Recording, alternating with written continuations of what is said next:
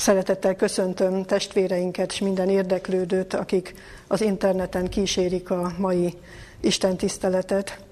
Mindenek előtt a legfiatalabbakhoz, a gyerekekhez szeretnék szólni néhány gondolatot az ige alapján.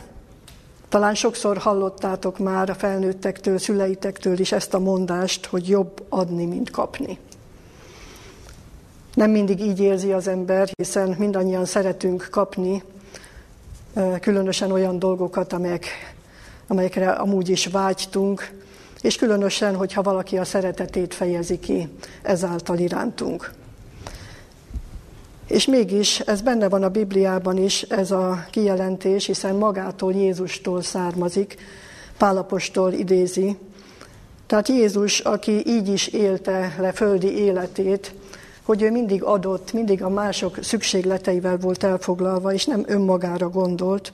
Ő mondta ezt, hogy jobb adni, mint kapni. Sok-sok problémát okozott már az emberek irítsége.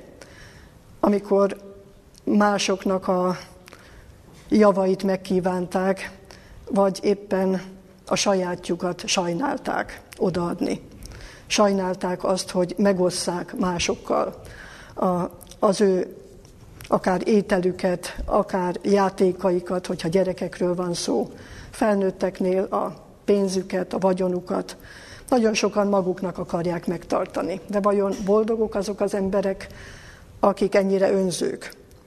A Biblia szerint az a jobb, hogyha az ember tud adni, és szeret adni, és öröme van benne.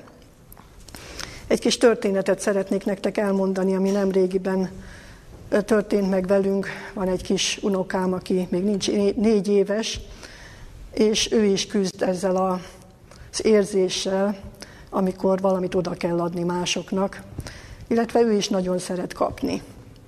Mindig meg is kérdezi, hogy van-e valami meglepetés. Nem sokkal ezelőtt jött hozzánk egy néni, nagy örömmel fogadta a kis unokám, hiszen szereti, hogyha vendégek jönnek. De amikor hátra mentem az udvarba, és tettem neki néhány szál medvehagymát, és oda akartam neki adni, akkor nagyon mérges lett. Oda jött hozzám, hogy én nem adhatom oda neki, mert ez a miénk. És ne adjam oda, egy szálat se.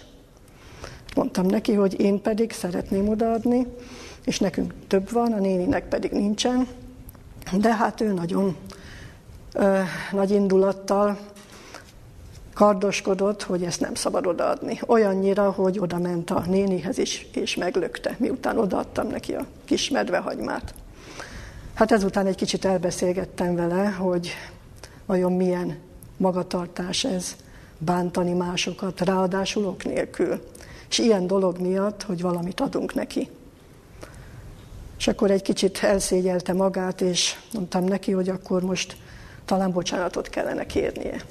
Kicsit még morcosan, de azért bocsánatot kért a nénitől.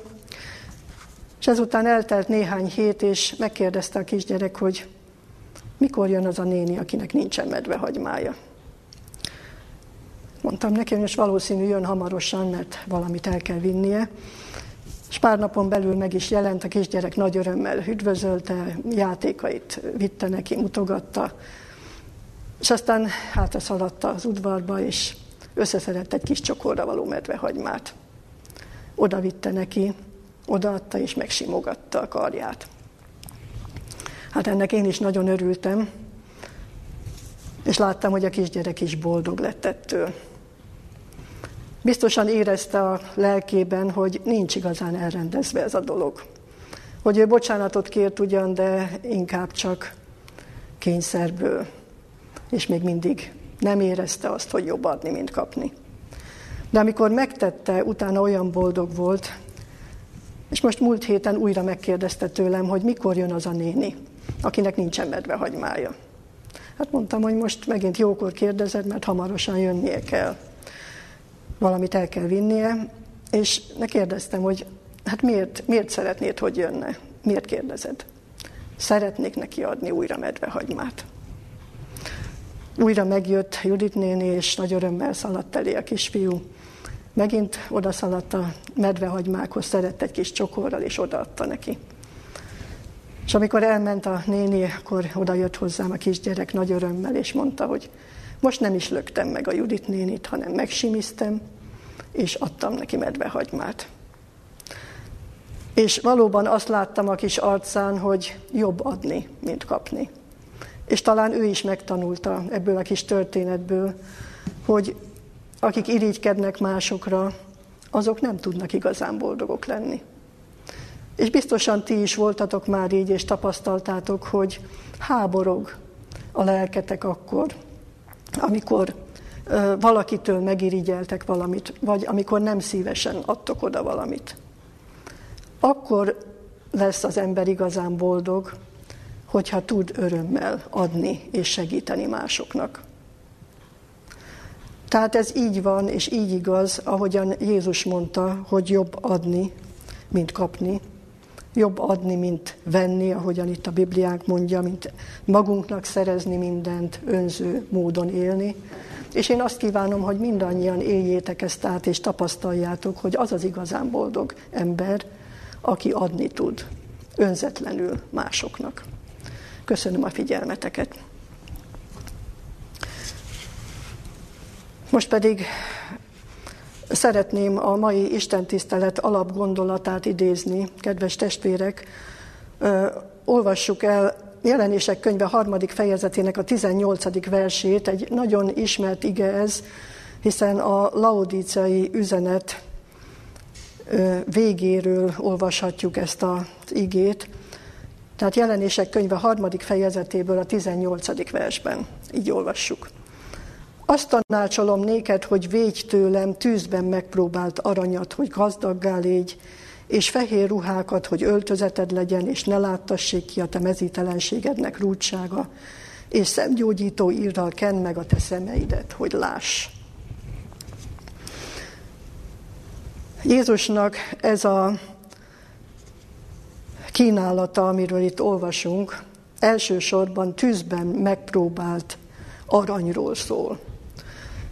Hogyha Jézus ezt kínálja fel, ami számunkra, akkor nyilvánvaló, hogy ennek a hiányát látja nálunk leginkább. Ugye a Laodícia üzenet a végidőkben élő Isten népének szól, és Jézus ebben a rövid szakaszban arra utal, hogy nálunk hiányzik ez az igazi érték, ez az igazi kincs. És hogy miről is van itt szó, mi ez a tűzben megpróbált arany, Péter apostol első leveléből szeretném idézni, az első fejezetből. Egy hosszabb szakaszt idéznék az ötödik verstől a kilencedikig terjedő verseket. Akiket Isten hatalma őriz hitáltal az üdvösségre, amely készen van, hogy az utolsó időben nyilvánvalóvá legyen, amelyben örvendeztek, Noha most kissé, ha meg kell lenni, szomorkodtok különféle kísértések között. Hogy a ti kipróbált hitetek, ami sokkal becsesebb a veszendő, de tűz által kipróbált aranynál, dicséretre, tisztességre és dicsőségre méltónak találtassék a Jézus Krisztus megjelenésekor. Akit noha nem láttatok, szerettek. Akiben noha most nem látjátok, de hisztek benne – Kibeszélhetetlen és dicsőült örömmel örvendeztek, elérvén hitetek célját, a lélek üdvösségét. Tehát itt azt írja Péter apostol ennek a gyülekezetnek, hogy a ti kipróbált hitetek becsesebb a tűz által kipróbált aranynál. Tehát az igazi hitről, az élő hitről, a megpróbált hitről mondja azt az ige, hogy olyan, mint a tűzben megpróbált arany. Át kell gondolnunk tehát, hogy nekünk van-e igazi hitünk. Ugye mindannyian hívő embereknek véljük magunkat, és, és megpróbáljuk gyakorolni is a hitünket a mindennapokban. De sok olyan ige van a Szentírásban, ami arról beszél, hogy nem az ateistákat nevezi hitetleneknek az írás, hanem azokat, akiknek már vannak, voltak tapasztalataik Istennel, azokat, akik hisznek Isten létezésében, minden hatóságában és szeretetében is, és mégsem tudják rábízni magukat. Ezt is át kell gondolnunk így együtt, hogy vajon vonatkoznak-e ránk is a Szentírásnak ezek a feddései, tehát az, hogy hitetlenek vagyunk hívő létünkre.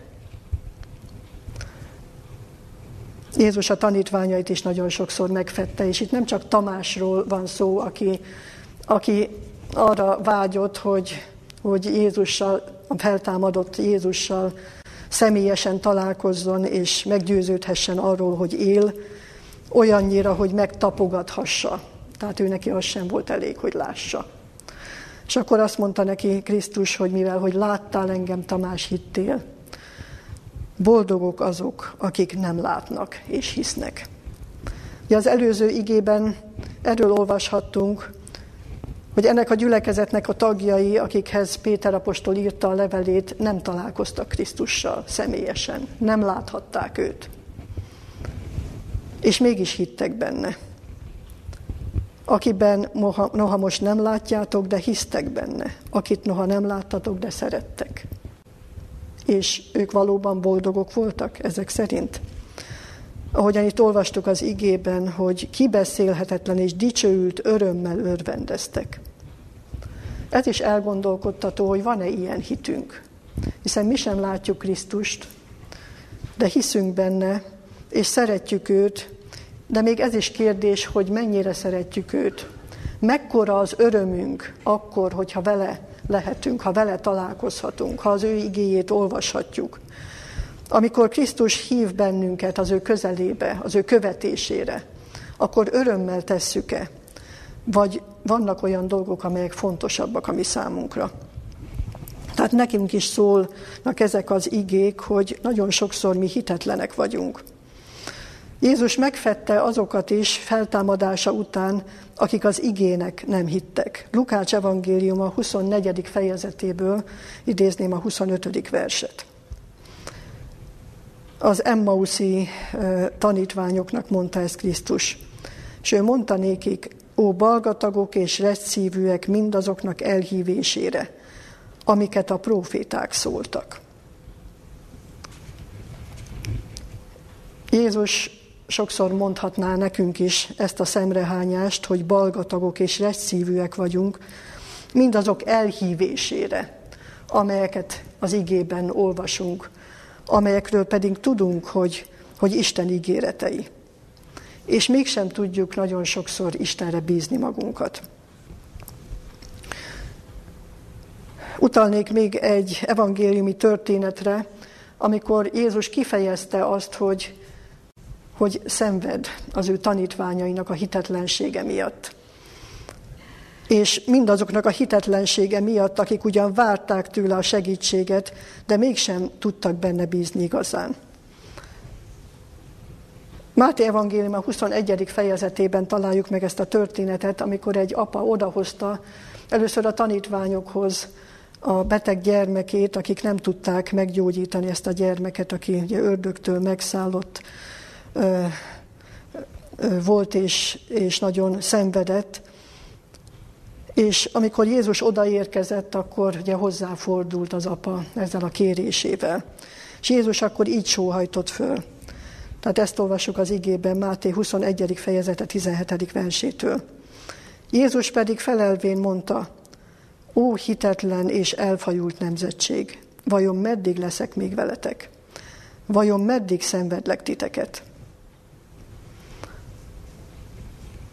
Jézus számára tehát ez szenvedést okoz. Hogyha olyan emberek, akik már megbizonyosodhattak, nem csak az ő hatalmáról, hanem arról is, hogy, hogy ő akar segíteni, hogy ő szereti az övéit, hogy ő azért jött, hogy megmentsen embereket, és, és mégis kétségbe esnek, és mégis aggodalmaskodnak, és mégis távol vannak tőle. Ezt mondta itt Krisztus, hogy meddig szenvedlek titeket. Vajon nem szenvede Krisztus sokszor a mi hitetlenségünk miatt is? Amikor a tanítványok oda mentek külön Jézushoz, és megkérdezték tőle, hogy mi miért nem tudtuk meggyógyítani ezt a gyermeket, miért nem tudtuk kiűzni az ördögöt, akkor Jézus így válaszolt, a ti hitetlenségetek miatt. Mert bizony mondom néktek, ha akkora hitetek volna, mint a mustármag, azt mondanátok ennek a hegynek, menj innen amoda, és elmenne, és semmi sem volna lehetetlen néktek. Ez a fajzat pedig ki nem megy, hanem ha könyörgés és bőjtölés által.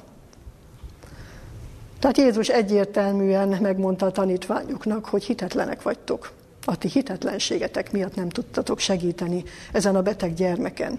Mert ha akkora hitetek volna, mint a mustármag, már hegyek mozdulnának el helyükről. Ez is elgondolkodtató Jézusnak ez a kijelentése, mert nagyon sokszor ott vannak az mi életünkben is ezek a hegyek. Olyan nehézségekkel találjuk magunkat szemben sokszor, hogy úgy érezzük, nem, nem vagyunk képesek megbírkózni vele. És mégis mindent megteszünk, neki megyünk a hegynek, meg akarunk birkózni vele, valahogy szeretnénk áttörni rajta, és nem sikerül. És Jézus nekünk is szemrehányást tehetne, hogy nincs hitünk.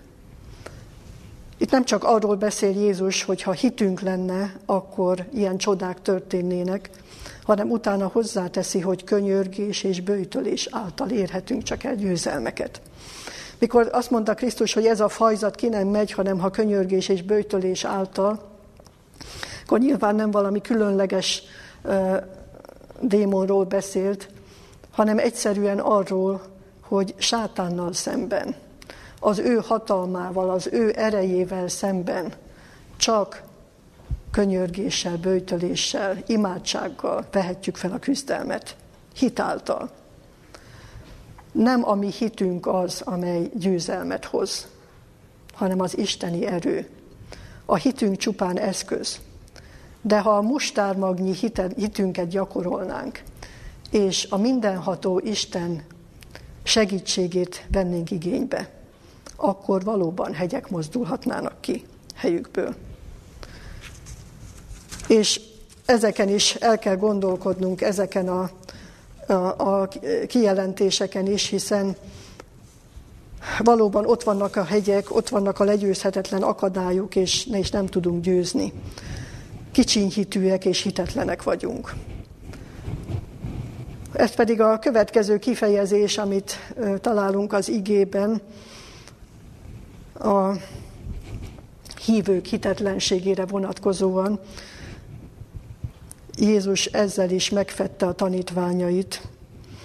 Akkor, amikor aggodalmaskodtak, amikor féltek attól, hogy majd éhen halnak, nem lesz kenyerük, és Jézus emlékeztette őket a kenyérszaporításra és ugyanakkor hozzájuk fordult, hogy miért vagytok ilyen kicsinyhitűek. A hegyi beszédben is szól erről Jézus, hogy amikor a megélhetésünk felől, hogy mit tegyünk, mit ígyunk, mivel ruházkodjunk, ezek felül a dolgok felül aggodalmaskodunk, akkor kicsinyhitűek vagyunk. Nem tudjuk Istenre bízni magunkat. Nem tudunk bízni a szerető mennyei atyában, aki tudja, hogy szükségünk van mindezekre.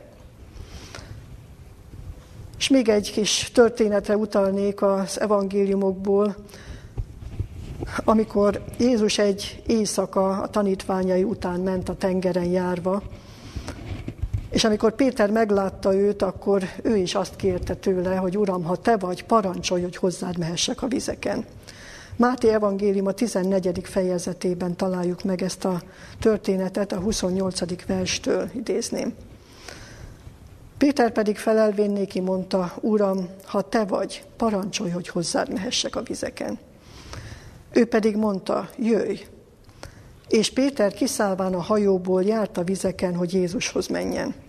De látva a nagy szelet megrémült, és amikor kezdett merülni, kiáltott mondván, Uram, tarts meg engem!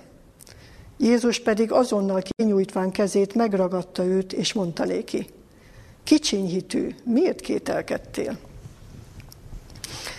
Hát ez a történet is nagyon elgondolkodtató számunkra, hogy vajon nekünk mekkora a hitünk. Van-e akkora hitünk, hogy kilépjünk a viharos tengerre, ahogyan Péter kilépett a hajóból. Mert a történetnek ezt a részét sokszor elfelejtjük, hogy Péter járt a vizen egy darabig. Volt hite. Addig, amíg Krisztusra nézett. De utána, amikor levette a tekintetét Krisztusról, és látva a nagy szelet megrémült. Ugye nyilvánvaló, hogy addig is fújt a szél, addig is vihar volt, hiszen ott küzdködtek a, a hullámokkal már órák óta a tanítványok, ugye az éjszaka. Addig is ott voltak a, a tomboló természeti erők, de amikor Péter kilépett a csónakból, akkor ő neki minden vágya az volt, hogy Krisztushoz menjen. És Jézusra nézett, és nem az őt körülvevő hullámokat és a vihart nézte. Amikor levette a tekintetét Krisztusról, akkor rögtön észrevette, hogy mekkora szél fúj, hogy milyen hatalmasak a hullámok, és megrémült. És azonnal elkezdett merülni. És akkor Krisztushoz kiáltott, Uram, tarts meg engem. Jézus azonnal kinyújtotta a kezét, és megragadta őt, és kiemelte a hullámok közül. De ugyanakkor egy szemrehányással fordult felé. Kicsinyhitű. Miért kételkedtél? Igen, bízhatunk abban, hogy, hogy a segélykiáltásunkra Jézus a segítségünkre jön. Amikor eltávolodunk tőle, vagy amikor nagyobbnak látjuk a bajt, mint, mint a segítséget, nagyobbnak látjuk a veszedelmeket, mint, mint Istennek erejét. De ugyanakkor szeretné, hogyha mi hitünk erősödne, ezek között a körülmények között is. Tehát azért enged meg a mi életünkben is ilyen viharokat, ilyen nehézségeket, hogy erősítse a hitünket. És itt szeretnék néhány gondolatot olvasni a Jézus élete című könyvből, egy Éj a tavon című fejezetből. Péter éppen akkor volt gyenge, amikor erősnek hitte magát.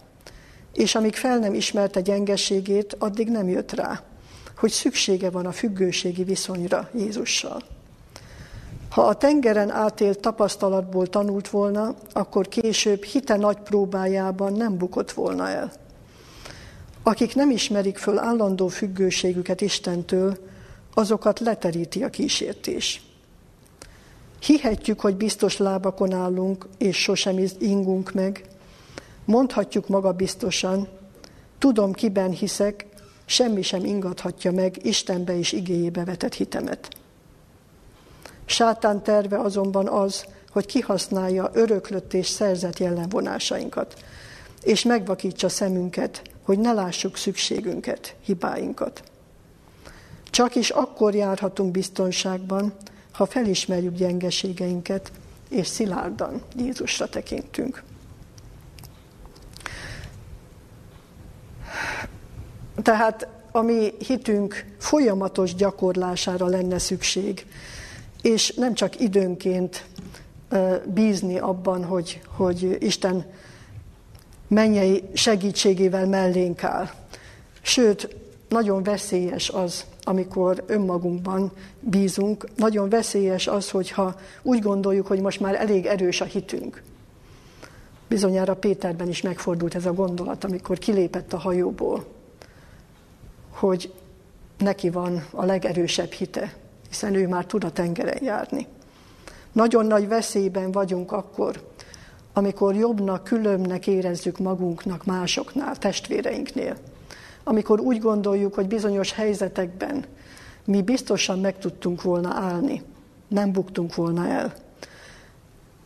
Amikor tehát úgy érezzük, úgy hisszük, hogy biztos lábakon állunk, és sohasem ingunk meg, akkor, akkor fenyeget bennünket a legnagyobb veszély. És egyedüli biztonságunk az, hogyha folyamatosan Krisztusra tekintünk. Tehát ez az, amit meg kell tanulnunk, mert ez az élő hitnek a legfőbb jellegzetessége. Nem csak az, hogy hisz Krisztusban, mint megváltóban, hanem hogy személyes kapcsolatban van Krisztussal. Sőt, hogy állandóan ápolja a vele való kapcsolatot. Hogy nem engedi azt, hogy, hogy sátán egy pillanatra is megingassa, kétségeket ébresszen benne Krisztus szeretete, gondviselő kegyelme iránt. Tehát láttuk eddig, hogy mennyi minden fenyegeti a mi hitünket, és hányszor vagyunk mi ilyen értelemben hitetlenek, hogy nem tudjuk Istenre bízni magunkat teljesen. És hát, hányszor nevezhetne bennünket is Krisztus kicsiny hitűnek. Még egy jellemzést olvashatunk az igében, arról a hitről, ami sajnos nem vezet üdvösségre senkit. Egy jól ismert igét szeretnék idézni Jakab levele második fejezetéből, a 19. és 20. verset. Te hiszed, hogy az Isten egy, jól teszed. Az ördögök is hiszik, és rettegnek. Akarod-e pedig tudni, te hiába való ember, hogy a hit cselekedetek nélkül meghalt?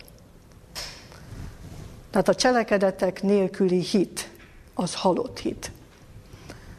És sajnos, hogyha önmagunkra nézünk, akkor sok esetben ezt is meg kell, hogy állapítsuk, hogy az ismereteinkkel, a tudásunkkal nem áll arányban sokszor az életünk, nem követik a hitünket sokszor cselekedetek, és talán éppen azért nem, mert nem bízzuk magunkat Krisztusra, nem engedjük azt, hogy ő vezessen és ő tisztítson meg bennünket. A hit cselekedetek nélkül meghalt. És nagyon félrevezető, és főleg önmagunkat csapjuk be akkor, hogyha úgy gondolkodunk, hogy hiszünk is, és cselekszünk is. Hiszen Krisztusban, mint megváltóban is hiszünk, a Biblia igazságaiban is hiszünk, és bizonyos dolgokban mi engedelmeskedünk is neki, tehát cselekszünk is. És meg is nyugtatjuk magunkat ezzel. De vajon elég ez? Gondoljunk arra, hogy Jézus az evangéliumokban felhívja a hallgatói figyelmét, hogyha a ti igazságotok nem több, nem nagyobb, a farizeusok és írástudók igazságánál semmiképpen nem mehettek be a mennyek országába. A farizeusok cselekedtek is. Mégpedig nagyon sok dolgot cselekedtek. Igyekeztek nagyon pontosan betölteni a törvényt. De nem szeretetből, nem örömmel tették, nem az Istennel való élő kapcsolat következménye volt ez, hanem mint egy meg akartak felelni bizonyos követelményeknek. És úgy gondolták, hogy mindezekkel ki is érdemlik az üdvösséget. Ennek a veszélye ugyanúgy megvan a mi életünkre nézve is. Jézus szomorúan jelentette ki, Lukács evangélium a 6. fejezete 46. versében olvassuk, miért mondjátok pedig nékem, Uram, Uram, ha nem cselekszitek, amiket mondok. Tehát amikor a hit cselekedeteiről van szó, akkor nem egyszerűen bizonyos dolgok, amiket mi jónak látunk, és amit az igéből megismertünk, nem azoknak a, a látványos cselekedetére utal az ige, hanem Krisztus életének, Krisztus életpéldájának a követése. Jézus Krisztus tanításainak a követése. És hadd olvassak itt is egy idézetet a Jézus élete című könyvből, a hit érintése című fejezetből. Az üdvösségre vivő hit nem pusztán értelmi beleegyezés az igazságba. Aki arra vár, hogy tökéletes ismeretre tegyen szert, mielőtt gyakorolná a hitet, az nem, részesül Istentől jövő áldásban. Nem elég hinni valamit Krisztusról. Krisztusban kell hinnünk. Csupán az a hit hasznos, amely személyes megváltóként fogadja el Jézust, és az ő érdemeit a sajátjává teszi. Sokan egyfajta véleménynek tekintik a hitet. A megmentő hit egyesség, amely szerint azok, akik elfogadják Krisztust, szövetségi kapcsolatba kerülnek Istennel. Az őszinte hit maga az élet. Az élő hit az életerő növekedését jelenti, odaadó bizalmat, amely által a lélek győzedelmes hatalommá válik. Hát ugye látjuk, hogy a hit cselekedete az mennyire más, mint amikor úgy gondoljuk, hogy hiszünk és cselekszünk, szinte külön választva ezt a két fogalmat egymástól. A hit cselekedete, amikor szoros kapcsolatban, szövetségi kapcsolatban Krisztussal gyakoroljuk a hitünket, odaadó bizalom, bizalmat jelent, amely által a lélek győzelmes hatalommá válik. Tehát ez az, amit szeretne látni Krisztus a mi életünkben, és úgy gondolom, hogy mindannyian szeretnénk ezt tapasztalni, hogy folyamatosan Krisztusra nézni, folyamatosan benne bízni, és újra meg újra győzni a kísértések fölött, sátán fölött. És Jézus ezt ígérte János Evangélium a 14. fejezete 12. versében, bizony-bizony mondom néktek, aki hisz én bennem, az is cselekszi majd azokat a cselekedeteket, amelyeket én cselekszem.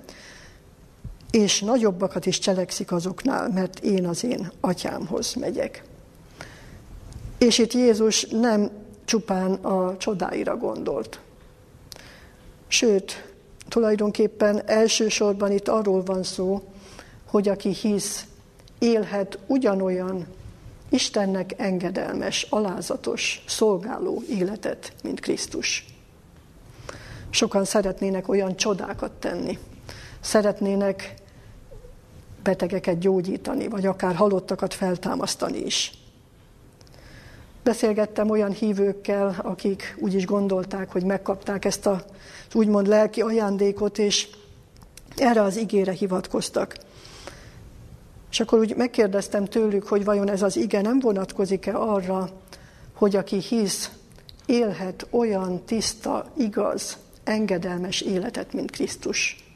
Hogy aki hisz, Krisztusi jellemű emberré válhat. És ha ilyenné vált, akkor általa Isten cselekedhet, akár csodákat is.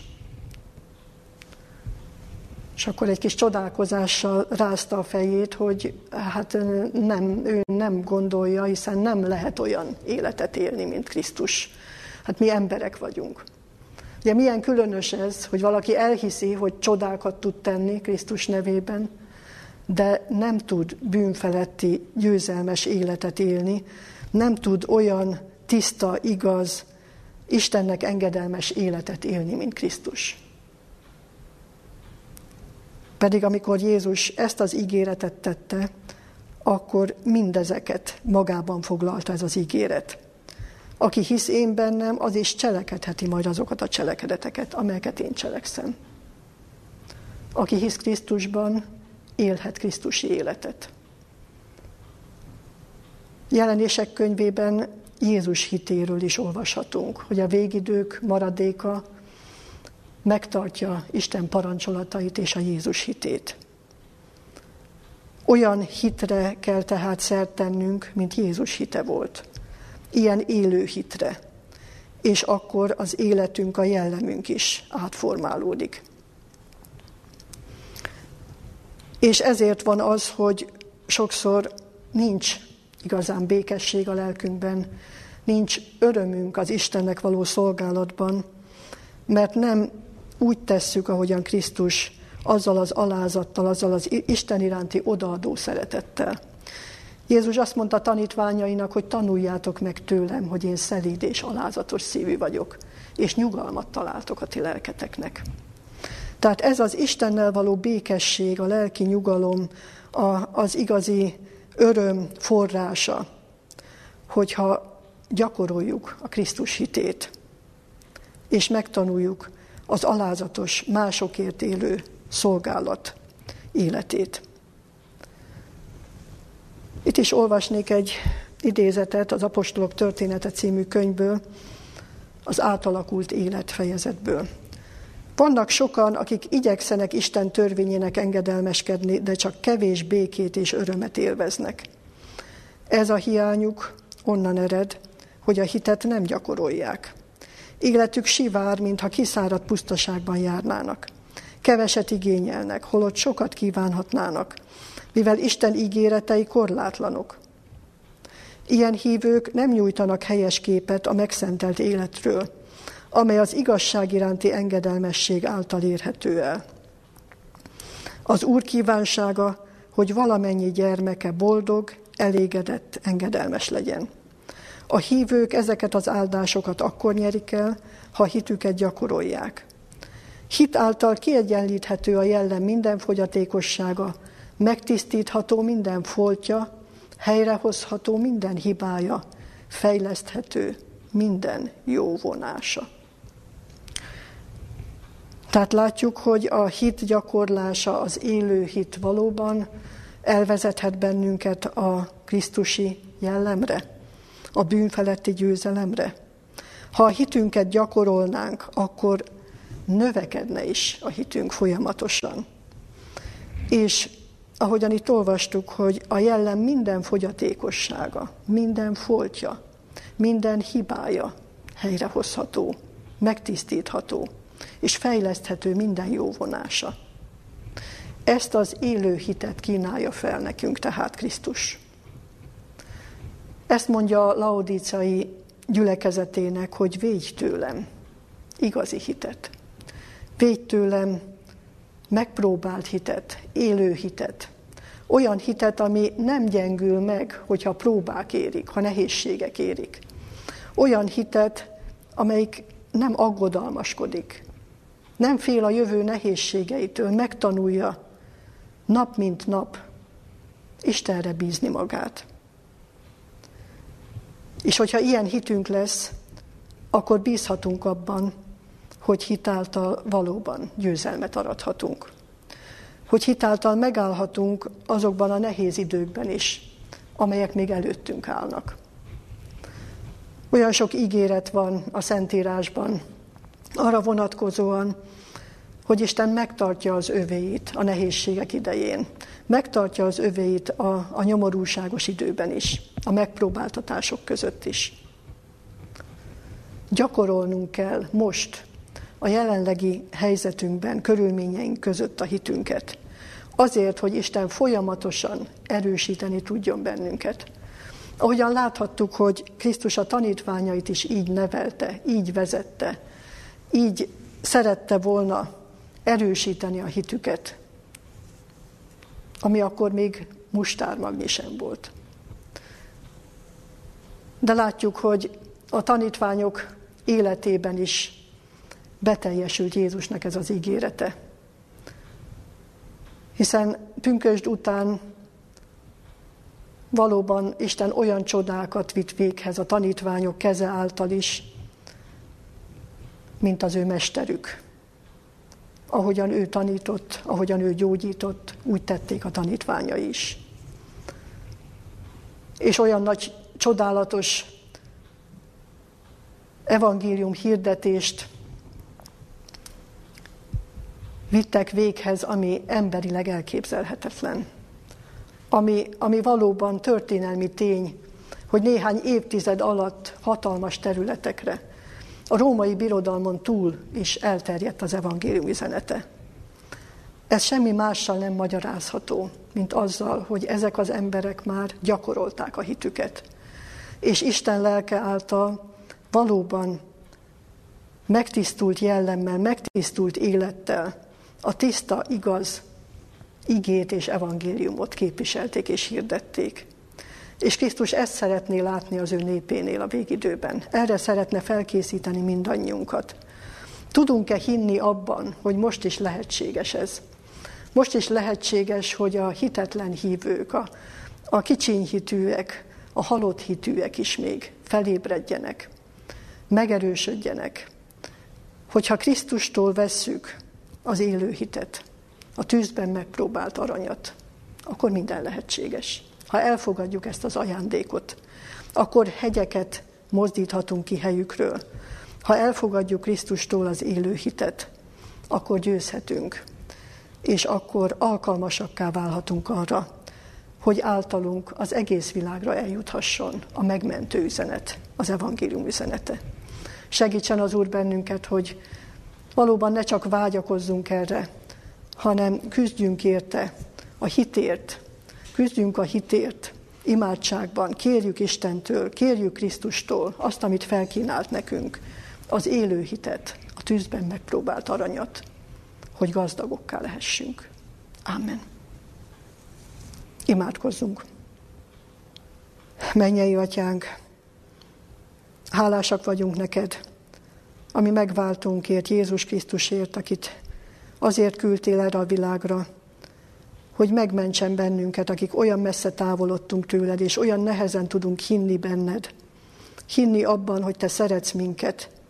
Hinni abban, hogy te segíteni akarsz rajtunk, és megmenteni kívánsz bennünket, és nem elveszíteni.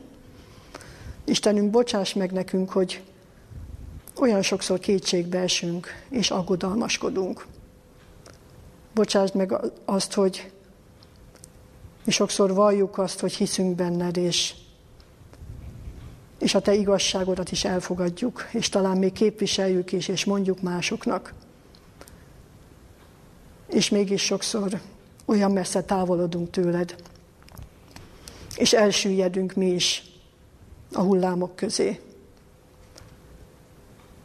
Segíts és taníts meg bennünket arra, hogy az élő hit csak akkor marad élő, hogyha gyakoroljuk, ha szüntelenül Krisztusra nézünk, ha nem engedjük azt, hogy sátán lehúzza a mi gondolatainkat, a mi tekintetünket a nehézségekre, a küzdelmekre, vagy az ő hatalmára, az ő erejére, az ő támadásaira, kísértéseire nézzünk. Add Istenünk, hogy valóban a miénk lehessen ez az élő hit, a tűzben megpróbált arany, hogy mindvégig kitarthassunk, és a te maradék népet között, a győztesek között lehessünk majd. Hogy megdicsőíthessen a mi életünk téged, hogy ne szégyent hozzunk rád újra meg újra a mi hitetlenségünkkel, hanem hogy téged dicsőítsenek mindazok, akik megismernek bennünket. Urunk, szeretnénk ilyenekké válni. Add meg ezt nekünk a Te ígéreted szerint. Hogy megváltunk Jézus Krisztus nevében kértünk. Amen. O sieben ben